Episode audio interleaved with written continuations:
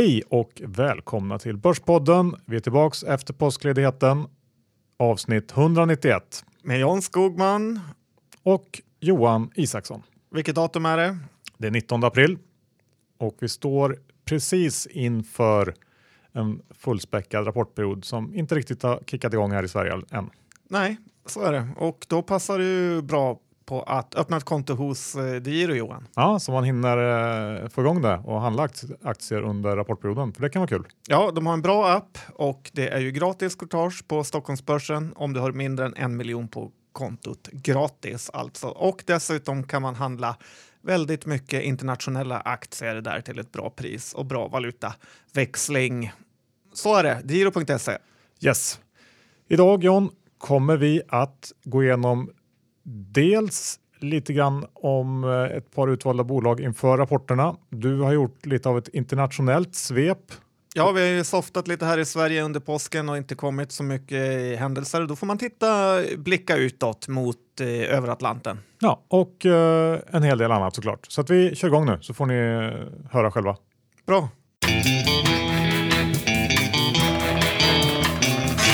Johan, doktorn Isaksson, index står i 1560 och eh, den stod i 1570 förra veckan. Så det har gått några utdelningar, men det har hänt eh, väldigt lite indexmässigt på börsen.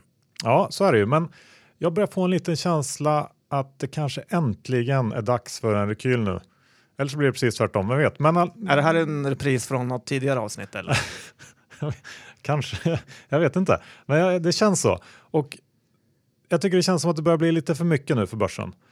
Vi har den här Trump-optimismen som eh, ju verkar vara minst sagt överdriven, vilket också eh, räntemarknaden verkar inse i, i USA. Den amerikanska tioåringen som var uppe och touchade på den här Bill Gross eh, 2,6 procent nivån eh, har nu gått ner och är nere på eh, 2,2 procent vilket på något sätt då indikerar att räntemarknaden eh, börjar tona ner sin tro på tillväxt och inflation framöver.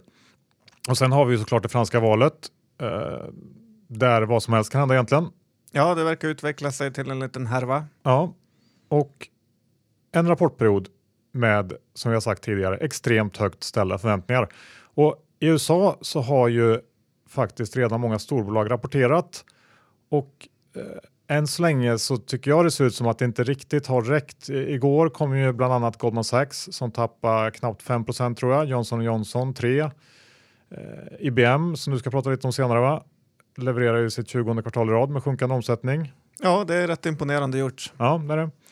Och eh, den aktien tror jag handlades ner 20, eh, inte 20 men 5% i efterhanden. Och vi har också eh, en av de mest populära storystocksen, Netflix, eh, som har rapporterat eh, senaste veckan här. Och eh, Netflix har väl tappat lite grann sen sin rapport, men den handlas fortfarande kring ATH och eh, börsvärdet är nu uppe i lite drygt 63 miljarder dollar. Och det som man kanske inte riktigt gillade i den här rapporten var väl att eh, Netflix missar lite grann på nykundsintaget. Men å andra sidan så guidade man för högre kundintag i, i Q2 och kombinerar man eh, kundintaget under Q1, Q2 så eh, ser det ut att bli högre än vad förväntningarna var inför. Största anledningen till den här missen i, i Q1 är ju att man har flyttat fram eh, släppet av House of Cards säsong 5 till Q2. Den här förseningen gav också en bieffekt i att man eh, levererar en högre marginal i Q1 än väntat. Eh, Men det här kommer också justeras i Q2 när man då släpper, eh, släpper bland annat House of Cards säsong 5. Ja, det måste blivit lite av en chock för dem när Trump vann. Då var man tvungen att skriva om allt för att göra det tio gånger sjukare. Ja, det kan ha varit så. Men to totalt sett inga jätteöverraskningar i den här rapporten. Netflix har nu nått eh, 100 miljoner subscribers, eller ska göra i helgen tror jag, totalt sett. Och eh, det är ju fantastiskt. Men det börjar bli lite mättat i både USA och Kanada. Och köper man den här aktien nu så måste man ju tro att Netflix eh, kommer att lyckas eh, precis lika bra internationellt som, som man har gjort i USA. Och så måste vi också göra en, en, någon slags bedömning kring hur mycket internationell framgång som egentligen redan är inprisad i aktien. Det är en ganska svår bedömning att göra, men man bör tänka på det i alla fall. Sen ska man också vara medveten om att Netflix kassaflöde, om man tittar på det de senaste två, tre åren, så har det försämrats rejält. Och eh, bara i år så räknar man med minus 2 miljarder eh, dollar i negativt kassaflöde som en konsekvens då av att man måste göra allt större investeringar i egna produktioner och eh, eget innehåll. Och jag satt och läste igenom rapporten och där fastnar jag lite grann eh, för ett stycke där man beskriver sin skuldsättning. För man argumenterar för att skuldsättningen är låg relativt till eh, sina peers. För att deras, som de säger, debt to total cap ratio är under 10 procent. Uh, och det tycker man är konservativt. Jämför man med andra mediaaktörer så ligger de på 30, mellan 30 och 70 procent, uh, skriver Netflix. Men det som är intressant här är att man har valt skuldsättning i förhållande till börsvärde som mått, eh, vilket är ett väldigt besynnerligt mått kan jag tycka. Dels för att Netflix värdering är ju sinnessjukt hög och eh, dels för att de här eh, Pearson som man vill jämföra sig med, de tjänar ju pengar och är dessutom mycket lägre värderade. Så en liten varningsflagg där eh, måste jag säga i det stycket. Eh, och sen så börjar det faktiskt också dyka upp eh, mer eh, seriös konkurrens. Du pratade om Amazon och deras satsning inom det här området förra veckan och det finns fler aktörer som vill in och, och dela på den här kakan. Så att Ja, man, det ska gå fruktansvärt bra för Netflix, tror jag för att man ska kunna tjäna några pengar på 150 dollars nivån. Ja, så är det nog. Även om jag tycker ditt skuldsättningsoro var kanske lite överdriven. För om börs börsvärdet faller till hälften så är det fortfarande bara 20 procent mot eh, börsvärdet. Jag menar väl bara att, ett, eh, att man använder det måttet. Eh, det tycker jag pekar på att man vill dölja någonting. För att det är ju ett helt irrelevant mått. Vad har marknadsvärdet med skuldsättning att göra egentligen? Kanske lättare om man ska göra en ny emission. Vad vet jag? Ja, vi lämnar det. Årsredovisningarna har börjat trilla, trilla fram i Sverige. Så är det. Och eh, för den som vill lära sig mer om ett bolag så är det här ju ett utmärkt sätt att eh, göra det. Läsa årsredovisningen istället för de här korta kvartalsrapporterna. Och eh, det är väldigt ofta tycker jag som man tror man kan något om bolaget som man gillar. För man känner till deras siffror, marginal, omsättning, p-tal och så vidare. Men egentligen så vet man inte riktigt vad de gör och därför är det bra att fördjupa sig lite grann. Men jag får säga ett stort men här. Man måste komma ihåg att det här inte är någon oberoende tidskrift eller eh, granskning, utan de här årsredovisningarna förskönar bolaget hela tiden överallt. Det är alltid någon intervju med någon anställd om hur kul det är att jobba här. Det är leenden, man utvecklas, man har gemenskap, det är företagsandan eh, med mera. Så att eh, det man läser får man samtidigt ta med en nypa salt, Johan. Absolut, jag håller helt med. Eh, men läs mer årsredovisningar, det är alltid bra. Svenskan har uh, varit ute och skopat. Ja, de har gett sig på Johan Karlström igen, där man ser att Johan Karlström eldat på budrykten via chattar. Och det som är lite roligt kan jag tycka med det här att det här har ju varit allmänt känt i säkert eh, sex månader bland i alla fall eh, traders med mera. Eh, jag har inte själv sett skärmdumparna men man har hört mycket rykten om eh, just det här. Och eh, om man ändå nämner Svenska Dagbladet så måste man ändå tycka att det är lite speciellt hur de kan skriva hundratals artiklar om Sverker Martin Löv-gänget och eh, det är ju utrett vad de har gjort på sina jakter och det har inte varit eh, något fel. Men sen när Per Boman och eh, Fredrik eh, Lundberg blev misstänkta av EBM för mutbrott eh, så nämns det knappt i tidningen. Så att det är en orättvis värld, mina damer och herrar. Ja, det är bara att suck it up tror jag. EBM då, de eh, verkar vara på krigsstigen. Ja, de har nog firat stort eh, den här veckan då de satte dit Axis, Transmode, eh, Lazard-gänget. Eh, först eh, så hade jag faktiskt tänkt att berömma dem här för att de har gått tillbaka till sitt A-game och ta riktiga insideraffärer och inte jaga ekonomistudenter från eh, Börssnack. Men sen eh, läste jag domen Johan och eh, som såklart finns på Flashback och då blev jag nästan eh, lite rädd. Ska jag ta caset i korthet? Ja, det kan du göra. Det är en stekare som jobbar på fina firman Lazard. Han läcker info till sin kusin som av en ironisk anledning jobbar på Bilia. eh, där Mats Kviberg alltså är storägare.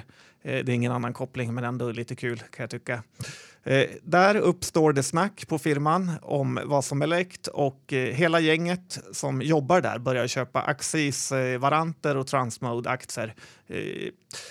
Alla tjänar en liten hacka. Någon tjänar en mille, någon tjänar hundratusen och så vidare. Och eh, det som gör det här caset intressant är att det finns inga bevis för att någon info, alltså insider info, överlämnas, eh, vilket då kallas för indiciebevisning, alltså lite av någon typ av uteslutningsmetod att eh, infon måste komma från ett visst eh, ställe.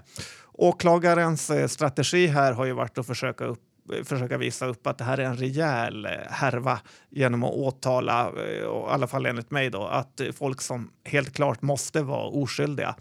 Till exempel är det en av de här killarnas fruar som uppenbart inte ens vetat om knappt att hon haft ett aktiekonto eh, som han har eh, tradat lite på och gjort eh, affärer på. Hon blir åtalad för insiderbrott. Så rätten eh, är väl, eh, ser det också, så fyra av åtta personer går helt fria. Och eh, nästan lite rättsövergrepp mot vissa av de här kan jag tycka. Eh, sen är ju frågan då, den stora frågan är ju om Lazardmannen har spridit info och eh, i grunden är det ganska uppenbart att han har gjort det. Men eh, man kan inte bevisa på något sätt att han skulle tjänat några pengar på det. Eh, de kan ju haft någon underbordet deal, men det finns det heller inga bevis för. Så i praktiken är det här caset väldigt scary för folk i finansbranschen. Att eh, man skulle kunna säga att det räcker för Berra som jobbar på en korpfirma ringer sin polare Arne och frågar om de ska spela squash. Av en slump så köper Arne aktier i ett bolag som också av en slump då Berras korpfirma jobbar med och så kommer ett eh, bud. Då kan EBM då titta i telefonloggarna, se att det här samtalet var väl lite väl lägligt för den här affären. Åtalar för insiderbrott och rätten tycker att det här eh, räcker. Det är inte så stor chans, men någon gång så kan det hända. Och eh, det som gör det extra sjukt är ju att eh, Sevianmannen-gänget kunde gå helt fria på exakt samma anledningar. Eh, och de hade gjort det här många gånger värre. Mm, så är det ju, men jag tycker ändå i grund och botten att eh, det är bra att det händer någonting i den här delen av, eh, ja, av branschen så att säga och att folk åker dit för insiderhandel eh, för att det har ju i princip ingen gjort. Så att eh, på något sätt så tycker jag att det är en eh, positiv utveckling. Ja, men det är bra gjort av åklagaren att lyckas bevisa det med. Så grattis! Ja. Bra. Du eh, har kikat på PG dokumentären? Ja, det har jag gjort och det tror jag många andra här i Sverige också har gjort under påsken. De har varit instängd hos svärföräldrarna. Och eh, det är ju så att sådana här krispiga gubbar som PG görs eh, ju inte längre. Man kan säga vad man vill om PG och Volvo, men eh, Volvo finns kvar idag, starkare än någonsin. Och eh, man får faktiskt se hur många biltillverkare eh, som har konkat överallt i världen. Och den här gubben hade ju versioner, men så här efterhand, så vart man än läser så ser man nästan bara hur folk skriver hur dålig han var. Och så är det i landet Jante Johan. När någon sticker ut och är relativt framgångsrik så vill den svenska massan förgöra den här personen. Bara fokusera på det negativa. Jag tycker ändå att det är lite dags att vi blir lite som USA och ändå försöker se vad sådana här människor som PG bidrar med. För de bidrar med mycket positivt också. Ta Percy Barnevik och eh, Kamprad. Vi måste jaga precis alla ur Sverige innan vi är nöjda. Det är bara en tanke Johan. Så ta och se dokumentären. Jag bifogar den i veckobrevet. Ja, men det ska jag ta och göra. Jag kan inte undgå att tycka att du har någon slags konstig, konstig böjelse för gamla griniga gubbar så här, som du verkar gilla lite extra. Ja, tack Johan. Ja. Och du nu försöker insinuera. Jag vet inte. Vi går över till ETFer som ju jag gillar generellt sådär. Jag tycker att det finns mycket kul man kan göra med det. Men ibland så kan det bli lite för mycket av det goda. Och eh, det senaste exemplet på det här, det går att hitta bland guld-ETFerna. Det är nämligen så att det finns en ETF som heter GDXJ och den här ska då ge exponering mot juniora guldgruvor. Eh, den här ETFen har haft ett extremt stort inflöde av kapital det senaste året, på drygt ett år. så har 3,3 miljarder dollar flödat in i den ETFen och totalt AUM är nu ungefär 5 miljarder dollar. Asset under management. Tack John. Och det här ska man då ställa i relation till eh, det totala eh, marknadsvärdet på cirka 30 miljarder dollar för de bolag som ingår i det universum som den här ETFen ska investera i. Och det här har lett till att man eh, nu äger ungefär strax under 20% i bland annat 10 stycken kanadensiska guldbolag. Och anledningen till att man stannar där det är för att går man över 20% så måste man enligt kanadensiska börsregler lägga bud på bolagen. Eh, man har helt enkelt fått in för mycket pengar och för att lösa det här så har man bland annat eh, lagt in 25% av ETFens kapital i tillgångar som inte är en del av det index som ETFen är konstruerad för att följa. Och den största positionen här det är ett innehav i en annan ETF, nämligen GDX som då är storebror som investerar i eh, lite större, mer mogna guldgruvor. Eh, men det tar inte riktigt slut här för jag läste en artikel där en, en analytiker tror att en stor del av det här inflödet till GDXJD ska tydligen komma från en annan ETF nämligen en ETF som heter JNUG. Det är också en ETF som ger exponering mot juniora eh, guldgruvor fast med hävstång gånger tre. Och den här typen av kedjereaktioner är ju faktiskt lite läskiga när man börjar tänka på det. Och eh, jag kan ju nästan lova att den dag marknaden skakar till på riktigt så kommer det hända väldigt mycket konstiga saker i enskilda aktier på grund av den här typen av upplägg och eh, kedjereaktioner helt enkelt. Ja, det lät väldigt, väldigt eh, speciellt. Om folk bara kunde ta hand om sina egna pengar. Ja, så är det. Eh, vi kanske ska avsluta med eh, nyvalet i, i England som annonserades igår. Ja, det tycker jag vi ska göra Johan, för eh, det har ju varit stort i media och Vissa av de här tyckarna tycker att det är smart, andra tycker att det inte är så smart. Och eh, de som gillar det tycker att på det här sättet får Tories, eller de konservativa, högern, moderaterna här i Sverige kan man säga, Brexit-förespråkarna leder väldigt stort i opinionen nu, vilket kommer ge Theresa May ett eh, ännu större mandat att göra som hon vill. Och eh, de som ser det på ett negativt sätt eh, säger ju att man såg på Theresa May inte som någon av de här gamla äckliga politikerna som bara gör allt för makt hon har hela tiden sagt och lovat att det inte kommer bli något eh, nyval och ändå så eh, passar hon på nu när Storbritanniens sossar eller Labourpartiet är i brygga. Och eh, så eh, går diskussionerna där. Men huvudpoängen som man kan tycka här i Sverige är ju att folk verkar tro att det kanske inte blir någon Brexit. Men det är snarare så att det kommer gå ännu fortare och eh, kanske bli en ännu hårdare Brexit nu om Theresa May får ännu större mandat. Men Johan, det kanske värsta eller sjukaste av allt är att just när det här händer och DI-TV ska kalla in en expert, vem ringer man upp då? Jag har ingen aning. Peter Malmqvist eh, på Remium som ska förklara vad det här innebär. Och eh, jag kan tycka, finns det ingen annan i hela Sverige som är bättre lämpad för det än en eh, know-it-all-gubbe? Eh, ja, John, jag vet inte, men vi, vi lämnar det och går över till en glad nyhet. För vi har Tessin tillbaka som sponsorer. Ja, det är väldigt kul. Jag har ju själv investerat pengar där. Så vad har de för budskap idag Johan? Ja, vi har pratat med Jonas som är vd precis som vanligt och har noterat att historiskt sett i alla fall så har många projekten som man har kunnat investera i via Tessin varit bostadsprojekt. Och eh, om man är intresserad av andra typer av projekt, finns det eller är det bara bostäder eh, som Tessin kör? Lyssna här så får ni höra vad Jonas säger.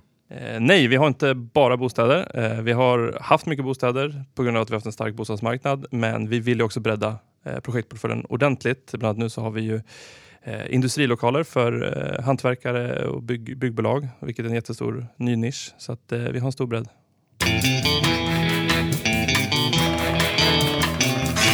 Okej John, det här är ju lite av lugnet före stormen så att eh, jag har kollat lite grann på ett par bolag inför rapportperioden. Vi kanske kan börja med det. Ja, det tycker jag. Det är alltid skönt att höra det från Sveriges bästa rapporttrader. Verkstad till exempel. Vi har ju ett par um, gruvrelaterade namn som jag tänkte gå in på. Jag tänker då såklart på Atlas och Sandvik. De har gått extremt bra på börsen sista halvåret. Och capex inom gruvindustrin har återhämtat sig men vi är ju långt ifrån de här liksom boomåren som vi hade när Kina byggde som värst. Och samtidigt så handlas de här aktierna på multiplar som i alla fall enligt mig kräver mycket mer än bara en återhämtning. Och eh, jag tror att det här är alldeles för offensivt och även om, eh, om Atlas och Sandvik kommer in med bra siffror så tror jag att det krävs riktiga rökare för att de här aktierna ska orka fortsätta. Och eh, i bägge de här fallen så kommer i alla fall jag försöka att gå kort eh, på rapporter som till exempel eh, bara inline eller kanske till och med lite bättre. För som Ola Rolén sa till oss senast vi möttes, det finns ingen tillväxt i världen längre och det är bara att glömma att vi ska tillbaks till de här nivåerna som vi såg innan finanskrisen. Och för de här bolagen så handlar det främst om att kunder byter ut gammal utrustning. Och visst, det är möjligt att det finns lite mer återhämtning från låga nivåer kvar. Men att betala P tal en bit över 20 för det, det tackar jag nej till. Vi får se här. Sandvik 24 april, Atlas 26 blir eh, oavsett väldigt intressant att följa. Ja, jag gillar att du använder ordet eh, rökare. Ja. Så du får meddela när en rökare kommer in. Ja, ska, det ska jag göra. Det. Antagligen så kommer inte komma någon från Telia som jag också rapporterar snart. 26 kommer Telias Q1. Eh, det man kanske ska ha med sig här är väl att jämförelsetalen under hela första halvåret är tuffa och att det kommer se lite bättre ut under andra halvåret. Eh, man har bland annat höjt priser för tv-abonnemang. Det har jag märkt eftersom jag har Telia TV ehm, och det här kommer få genomslag senare i år. Men i grund och botten är det viktiga och det som hänger över det här bolaget. Det är ju den här exiten från Eurasia och eh, först när den är avklarad så kan man väl egentligen blicka framåt och jag tror också att eh, storyn kring det här bolaget kommer att förändras en hel del när man, eh, när man lyckas bli av med den här delen och då tror jag att det kan bli lite mer av en, en stabil utdelningsaktie som värderas högre. Eh, man har sagt att den här exiten ska vara genomförd i år och det är ju det man ska hoppas på helt enkelt att det, att det blir så om man äger aktien Telia. Ja, kanske ackumuleringsmode nu, men tråkigt är det. Ja, det, det är ju bara så helt enkelt. Sen tänkte jag, eh, ska jag fortsätta med lite sådana här eller vill du stoppa in emellan något? Eh... Nej, men jag vill fortsätta höra. Ja, Okej, okay. Betsson då? Jag tänkte vi tar ett spelbolag också eftersom vi har börjat med det nu och kört spelbolag här ett tag. Ja, få höra. Hur uh, går det för dem? Ja, det går ju sådär. Uh, Betsson släpper sin rapport 27 april och den här aktien har ju inte alls varit kul att ha i portföljen uh, det sista året. Och många kanske ställer sig frågan, är det läge att plocka upp Betsson nu? Jag tror inte det. Vi har ju den här B2B-delen med Realm där man plockar in de här turkiska intäkterna där har man rejäl motvind eh, i och med den turkiska liran som varit svag. Sen har vi också den här eh, sportboksmarginalen som man varit ute och kommenterat redan att den inte kommer att leva upp till historiska nivåer helt enkelt. Och totalt sett så lägger allt det här eh, ett lock på tillväxten för Betsson. Eh, I övrigt så har man gjort ett par förvärv på slutet eh, som man kanske kan intressera sig lite extra för och se vad de säger om. Eh, och även om den här aktien handlas med rabatt mot sektorn så tycker jag att det är, det är befogat. Och eh, jag skulle helt enkelt ta och vänta med Betsson. Jag tycker det finns bättre alternativ.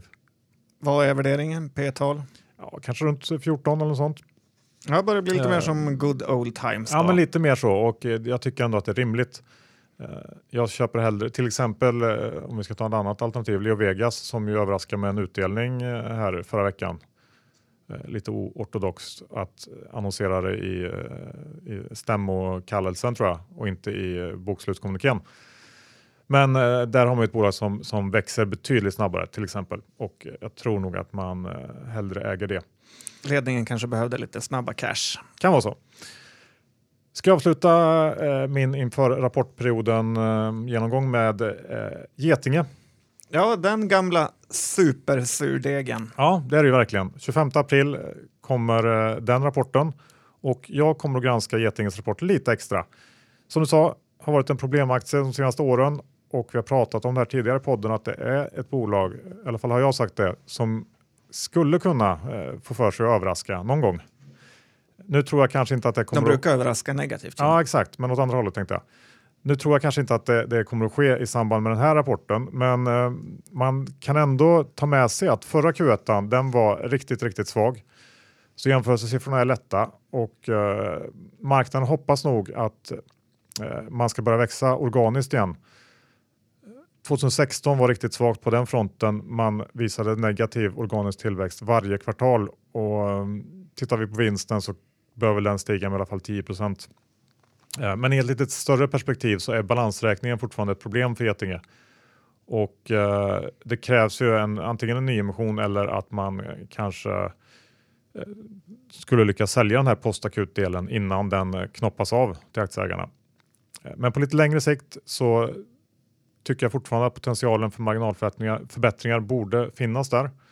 Man borde kunna effektivisera ganska mycket inom Getinge och uh, det tror jag gör att på lite sikt så, så finns det potential där och jag skulle också kunna tänka mig att um, det här är en aktie som man köper på, på en rapport där den tappar lite för mycket om den inte är så där brutalt eh, överjävligt dålig. Bra, jag gillar din strategi att du blankar bra rapporter och du köper dåliga. Man ja. ska tänka tvärtom. Ja. Kanske, kanske. Vi får se. Vi får väl rätta i nästa avsnitt helt enkelt. Nu går vi över till eh, den internationella korrespondenten i Börspodden, John Skogman. Ja, men då kan det ju passa bra att eh, titta lite på IBM som också är ett bolag med problem med organisk tillväxt. De har nu haft 20 kvartal i rad med minskade intäkter och eh, vinsten kämpar de på med, men eh, den sjunker också lite år för år. IBM är ju fortfarande ett av världens allra största bolag med ett bolagsvärde på 160 miljarder dollar och eh, en utdelning på 3,3 procent. Eh, P-talet är ungefär 13 och det här är ju ett stort, eh, stort innehav för den käre Warren Buffett. Eh, jag vet inte vad man ska tro om IBM. Det blir nog en avvakta rekommendation. Ja, man har ju de här delarna som man försöker hotta upp lite, bland annat det här Watson, det här AI-systemet och Ja, de har väl lite sådana grejer, men det är ju alldeles för litet än så länge för att kunna påverka den här jätten som IBM är. Ja, så är det. Så att, eh, jag skulle också tro att det är nog lite för tidigt att, att haka på här. Dessutom har väl aktien gått ganska bra sista året. Ja, den har gått bra, men den har fallit tillbaka också eh, hyfsat mycket sista tiden. Tittar vi på ett annat bolag eller bolag som har fallit lite är det United Airlines och eh, de kom igår med sin rapport och den var inte så bra.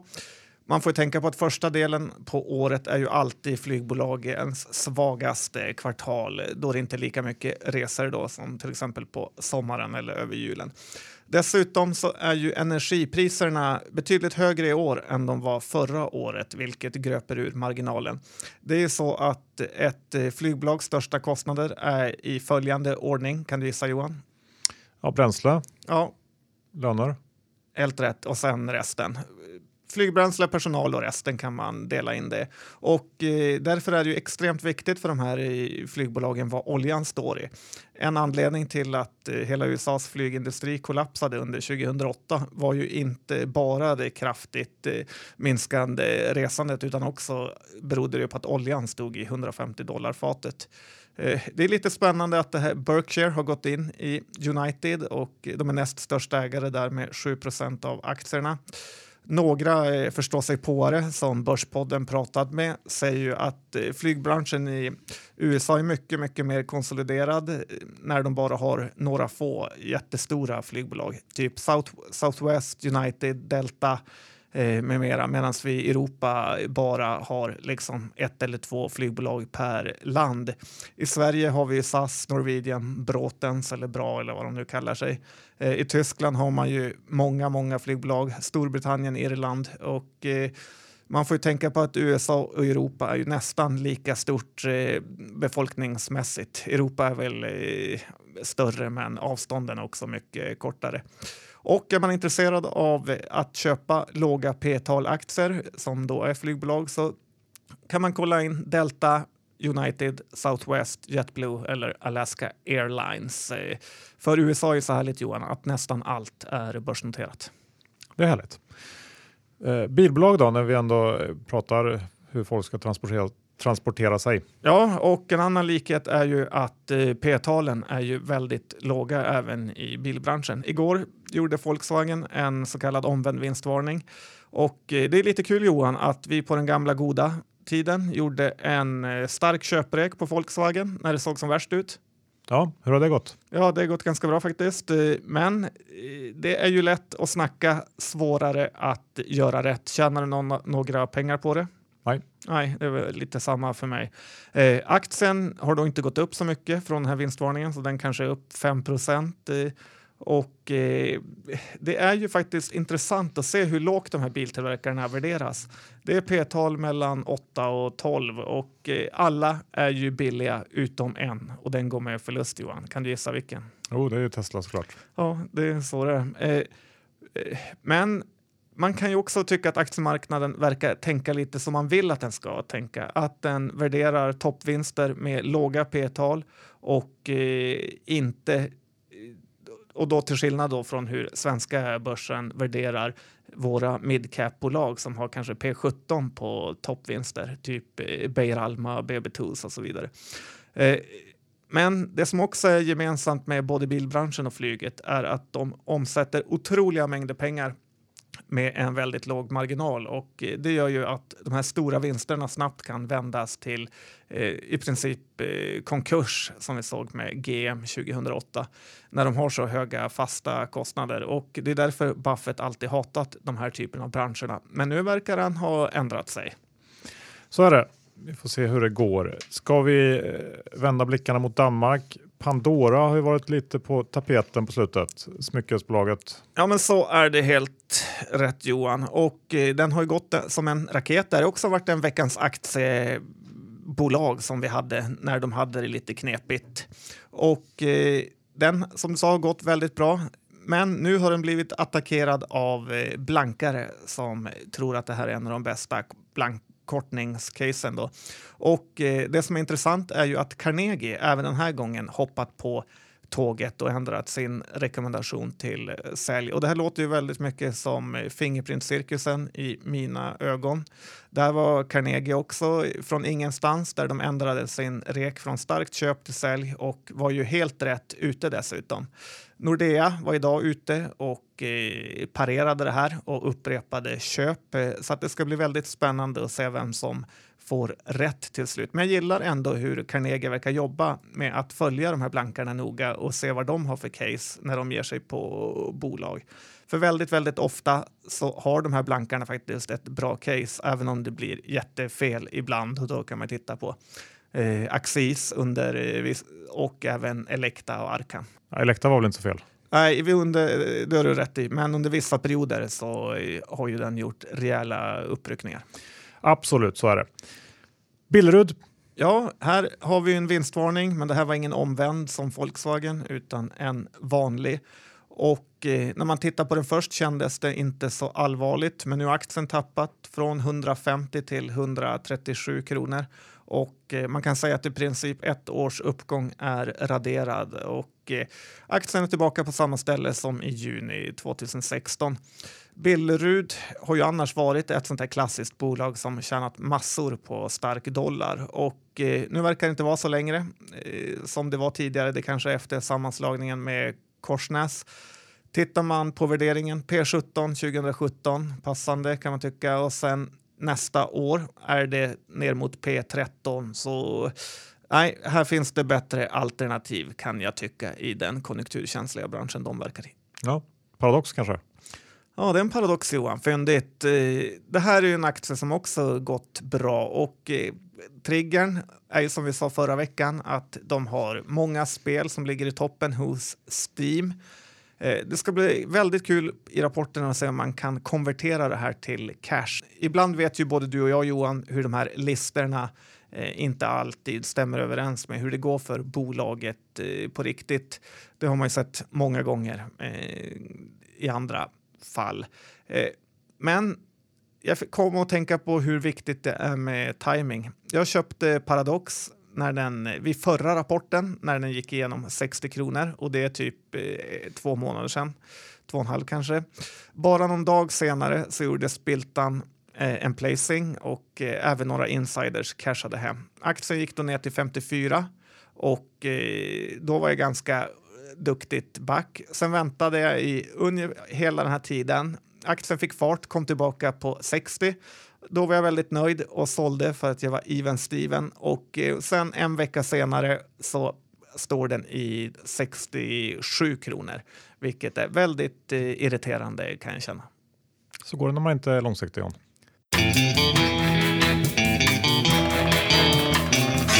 Avsnitt 191 avklarat. Nu blickar vi framåt John och förbereder oss för rapportperioden. Det gör vi och eh, se till att ni har konton på lite alla möjliga mäklarställen. Så gå in på giro.se. Gratis courtage på svenska börsen. Ja, om du har upp till en miljon och gör upp till fem affärer per dag. Så är det. Giro.se. Ja, och eh, missa såklart inte att gå in och kika på de möjligheter som Tessin erbjuder just nu. Det finns en hel del intressanta projekt. Tessin.se. Ja, bara att surfa in. Ja, det är faktiskt en väldigt bra hemsida. Ja. Och eh, vi ska väl också säga någonting om, eh, vi har några innehav bland de bolagen vi har diskuterat idag. Hur ser det ut för dig Jan? Jag eh, kan direkt säga att eh, så är inte fallet. Jag äger inte något eller inte heller kort något som vi har pratat om. Inte ens GDX? Nej. Okay. Jag har lite Leo Vegas faktiskt, som du snabbt tog upp där. Ja, bra. Då tackar vi för oss. Vi hörs om en vecka igen. Tack och hej!